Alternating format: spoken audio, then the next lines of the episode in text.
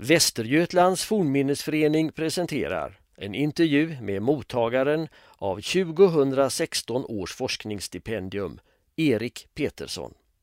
Intervjuare är Henrik Damberg.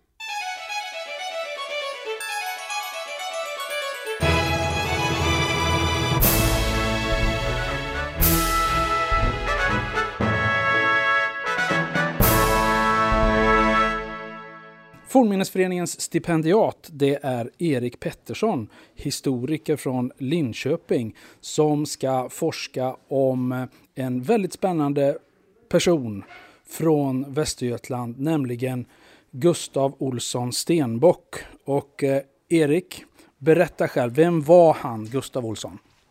Han var, om man ska sammanfatta det, Gustav Vasas främsta medhjälpare antagligen.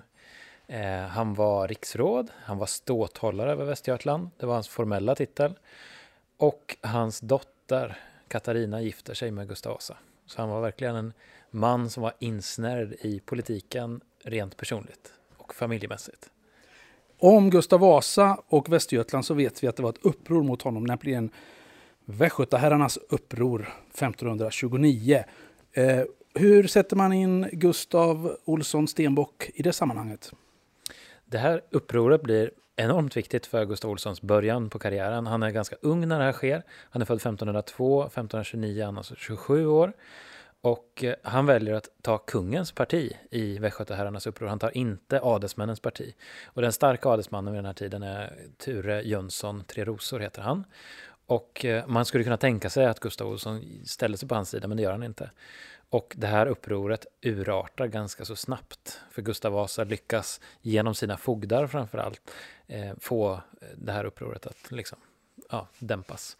Och hans syster som har blivit tillfångatagen, Margareta, hon har blivit tillfångatagen i Jönköping, blir friad genom ett litet uppror, eller liksom, de lyckas inte hålla henne. Och efter det så faller det. Och den här Ture Jönsson sticker ut ur landet. Men i och med att Gustav Olsson har visat sig lojal mot kungamakten så gör det hans lycka. För han visar att han kommer stödja kungamakten i det här. Och efter det så får han mer och mer uppdrag, han får mer och mer förläningar. Och eh, ja, det liksom lägger grunden till förtroendet mellan kung och den här Gustav Olsson. Vet vi varför Gustav Olsson inte hängde på västgötaherrarna utan istället Gustav Vasa? Nej, men eh, det hoppas jag kunna ta reda på lite mer om. För hittills så har det här upproret, man har inte riktigt förstått, tror jag, vad det berodde på. Och det här är en, ganska mycket en religiös konflikt, har det visat sig. Herman Schyck, som tyvärr gick bort vid 90 års ålder nyligen, han hann skriva en bok om den här Ture Jönsson precis innan han gick bort. Och han säger att eh, det var religionen, alltså att Ture Jönsson inte ville ha den nya religionen, alltså protestantismen, som Gustav Vasa började införa. Utan att upproret hade sådana rötter. Så kanske var det att Gustav Olsson var mer öppen för den nya läran än vad den här gamla generationen av adelsmän var. Det skulle kunna varit en anledning. De här adelsmännen då som vi pratar om, eh, hade Gustav Olsson någon relation till dem? Inte mycket. Han tillhörde egentligen inte den här gamla traditionella frälset på så sätt. Alltså hans familj ägde ganska så mycket jord i södra delen. Och de hade ett, södra delen av Västergötland. Och de hade ett starkt fäste framförallt, Torpa stenhus. Och det, det, var också väldigt intressant för kungen, för det här var uppmarschvägen mot landet. Och det var längs Ätran då, som det här vattendraget eh, som Torpa ligger vid, som man kunde försvara där. Och antagligen så tänkte Gustav Vasa att ja, när danskarna kommer nästa gång så är det bra att ha koll på den här marschvägen.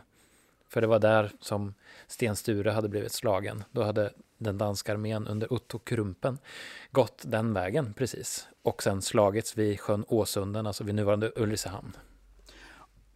Okej, så eh, och Torpa stenhus det ligger där i närheten av Ulricehamn, eller hur? Ja, det ligger i södra delen av sjön. Vid västgötaherrarnas uppror så vad vi vet så var Gustav Olsson passiv. Finns det något som tyder på att han dessutom var aktiv i kväsandet av det här upproret på något sätt? Den enda lilla grejen som jag hittills har hittat är att han är med i rättegången eller i den kommission som ska döma de här herrarna som har varit inblandade i upproret. Där är han med direkt när den bildas, bara någon månad efter att upproret har kvästs. Och förmodligen så är han inte med där av en slump, utan han är det för att han tydligt har tagit ställning från, eh, till kungens parti, då, eller sida. Så förmodligen så var han mer aktiv än vad vi har sagt hittills. Men vi vet inte, och det är ingen som har lyckats säga någonting om det. Men kanske kan man hitta grejer om det. Tror du att du kan hitta svar på det i din forskning? Eh, problemet där är källor. Det finns inte jättemycket brevmaterial om det. Men en sak som jag hoppas kunna göra är att titta på krönikorna om det. De kanske kan ge ledtrådar till hur Gustav Adolfsson ställer sig till det.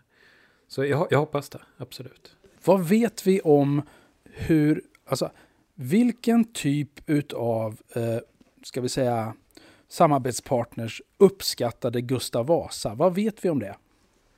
Eh, vi vet egentligen inte speciellt mycket om hur den här Gustav Olsson var som person, så det är ju svårt att säga så. Men att han var en person som kungen litade på rätt mycket, det kan vi se i vad han gör så att säga. Och gång på gång så visar han sig vara eh, kungalojal. Vi har det här västgötaherrarnas uppror och det var ett väldigt allvarligt uppror. Eller det kunde ha blivit allvarligt. Nu blev det inte det så farligt. Men där visade han sig lojal och då satt han i rättegången över de här som dömdes. Bland annat eh, en som heter Måns eh, Liljehök, en adelsman.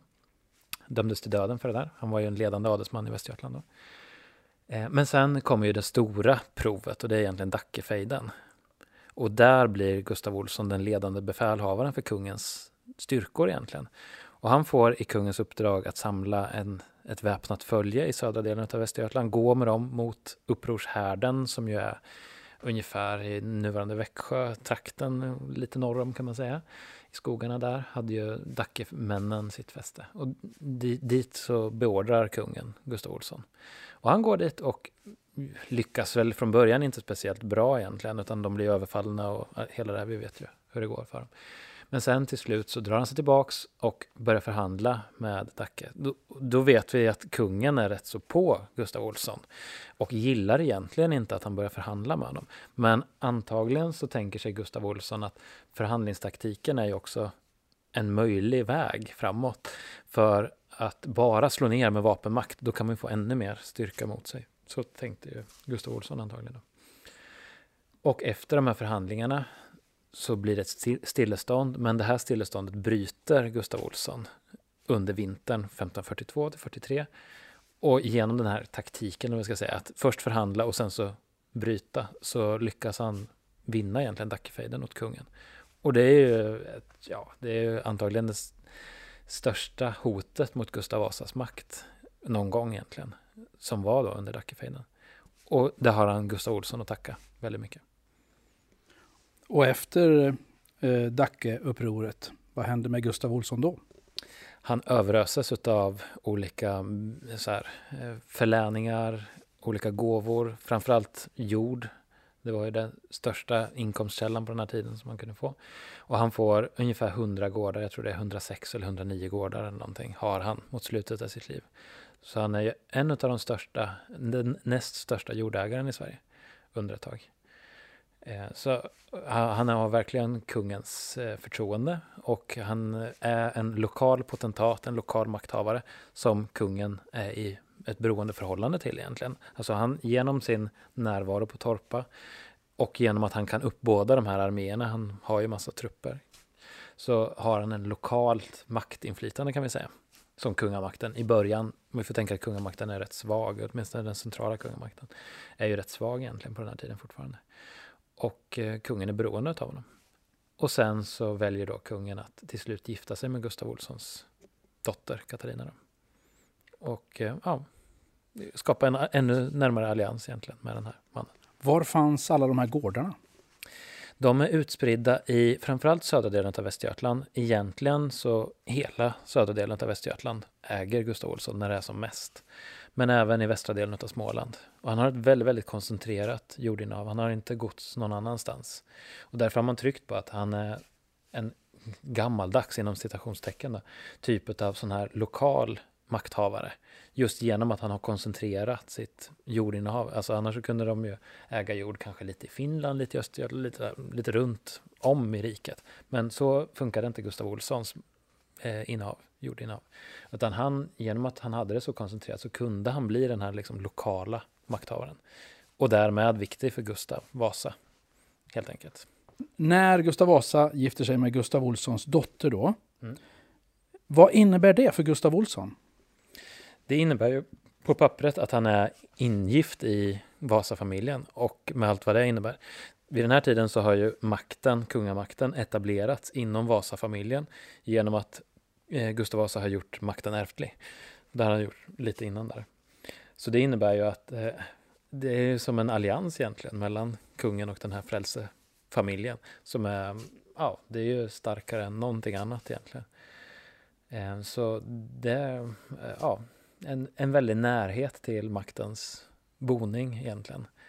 Och en, ja, en säkring av sin position helt enkelt. Betyder ju rent konkret. Så. Och nu ska du forska då om mm. den är väldigt spännande person. Jag blir jättenyfiken på honom, eh, Gustav Olsson.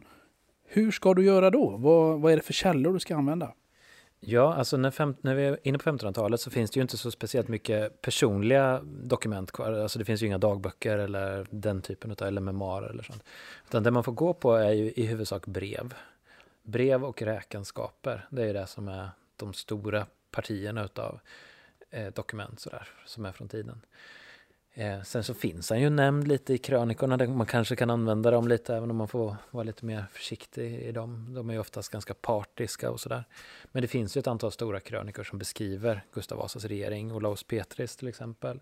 Eh, kan vara intressant att titta på hur hans roll i Västgötaherrarnas uppror eh, porträtteras där i till exempel. Och så kanske man kan jämföra det med Peder Svarts till exempel och så vidare. Alltså sådana grejer kan man göra. Eh, för att se olika eh, skribenters då, eh, ja, inställning till honom. Eh, men sen breven kommer ju vara det huvudsakliga källmaterialet. Och där har vi framförallt mycket brev från Gustav Vasa till Gustav Olsson. Och det är inte, det är inte bara brev heller ska jag säga, utan det är även fullmakter, instruktioner, den typen av officiella skrivelser till honom. Och det finns ju en mängd. Jag har bara tittat på dem fram till Dackefejden än så länge. Har jag med. Och man ser ju där att från mitten av 1530-talet och framåt så ökar den enormt mycket, mängden brev. Då måste jag fråga, kan du ge något exempel på något som Gustav Vasa kräver av Gustav Olsson? Eh, ja, alltså ett av de roligaste eller mest intressanta grejerna som jag hittat hittills det är att han blir skickad på ambassad till Danmark vid ett antal tillfällen. Tre tillfällen hittills på slutet på 1530-talet. Och vid den där tiden så är ju förhållandet mellan Danmark och Sverige väldigt skakigt, minst sagt. Vi har ju haft den gamla Kalmarunionen så har man från svensk del brutit sig ut ur den. Och Gustav Vasa försöker ju skapa då en sorts mm, ja, centralmakt i Sverige som inte har funnits förut. Och Gustav Olssons besök då i Danmark blir ju en väldigt avgörande faktor egentligen för hur, alltså vilken ställning eller status Sverige ska få. Och eh, där har han ju väldigt mycket mm, detaljinstruktioner till honom och sådär. Tyvärr har vi inga svar från Gustav Olsson, bevarade då. Men vi kan ändå se vad kungen kräver av honom. Vad kan det vara till exempel? Eh, att han ska fråga om till exempel olika trupprörelser och sådana där grejer. Alltså kungen är hela tiden väldigt nyfiken på att se alltså att han inte ska bryta freden och sådana grejer. Men det går ju väldigt bra. Alltså grevefejden eh, äger ju rum vid den här tiden ungefär. Och sen efter det så skapar man ett förbund mellan Sverige och Danmark faktiskt, 1541. Som brukar kallas förbundet i Brömsebro eller Brömsebroförbundet. Och eh, det där blir ju en allians mellan Sverige och Danmark och där i är Gustav Olsson en nyckelspelare att ha skapat det här förbundet. Och han blir dubbad till dansk riddare av Kristian III. Bara en sån sak också. Det är ju inte så vanligt. Så att han har väldigt stort förtroende från den danska sidan också verkar det som. Men det måste jag ju forska mer om där. Men det verkar vara en väldigt spännande sån där grej som Gustav Olsson får i uppdrag att göra av kungen. 1500-talet, alltså inte någon eh, min känsla är att det inte forskas så där väldigt mycket kring det seklet. Håller du med mig? Ja, det gör jag. Tyvärr så är det så att det har blivit lite bortglömt. Alltså i Sverige har man ju traditionellt hållit på ganska mycket med medeltiden. Och sen har vi arkeologi ännu längre bak förstås, men medeltiden har man ju hållit på med. Och sen är det ju 1600-1700-tal. Men med betoning skulle jag säga ändå på 1700-tal, 1800-tal, 1900-tal det är de tiderna som de flesta har ägnat sig åt. För jag tror många nu på sistone har tyckt att det har varit lite jobbigt, alltså på sistone menar de sista 30 åren, att prata om Sveriges stormaktstid och allt vad det innebär. Att den utpressande staten och allt det Man har inte liksom sett det som någon, någonting som seriösa akademiska forskare ska hålla på med så mycket. Men 1500-talet har liksom aldrig egentligen forskats om mycket. Och vad beror det på tror du? Jag tror tyvärr att det beror på den här känslan av att det är brist på källor. Men då skulle jag säga att det är egentligen inte det som är bekymret, utan man får bara tänka lite annorlunda i hur man kan använda källor. Till exempel det här med krönikor. Det brukade ju de stenhårda källkritikerna kasta ut med, och totalt och säga, ja, men som Weibullarna. De sa ju det att ja, men källor, eh, krönikor kan du inte använda som en källa för det är, det är traderat, det är skrivet mycket senare och så vidare och det är alltid en politisk färg i det. Men om man använder krönikor på ett vettigt sätt då kan man få ut väldigt mycket av det. Och man kan ställa krönikor mot varandra till exempel om de beskriver samma skeende och så vidare. Så att det finns väldigt mycket material. Men sen hur man använder det, det måste man liksom förfina metoderna i. Alltså man har väl en bild av då att reformationen, ja, då försvann väldigt mycket källor. Men efter det så har man känslan av att det skulle finnas en hel del kvar ändå. Mm. Jo, absolut. Men det är ju kanske inte så mycket, alltså statsförvaltningen börjar ju komma igång genom Gustav Vasa och hela det där. Men det blir ju inte så mycket personliga dokument. Utan det är mer räkenskaper, det är mer jordeböcker, alltså upp, längder över skatter och hur mycket sånt man har fått in och sådana där grejer. Och det har man väl sett som ganska torra uppgifter kanske. Mm. Får jag fråga dig, när kommer du att eh, utföra din forskning om Gustav Olsson? Under det närmaste lite dryga året tänker jag mig. Eh, och målet är att skriva åtminstone två artiklar om det i ja, mer vetenskapliga artiklar. Så. Ehm, så historisk tidskrift eller Skandia kanske är lämpliga forum för dem. Vilka frågeställningar har du?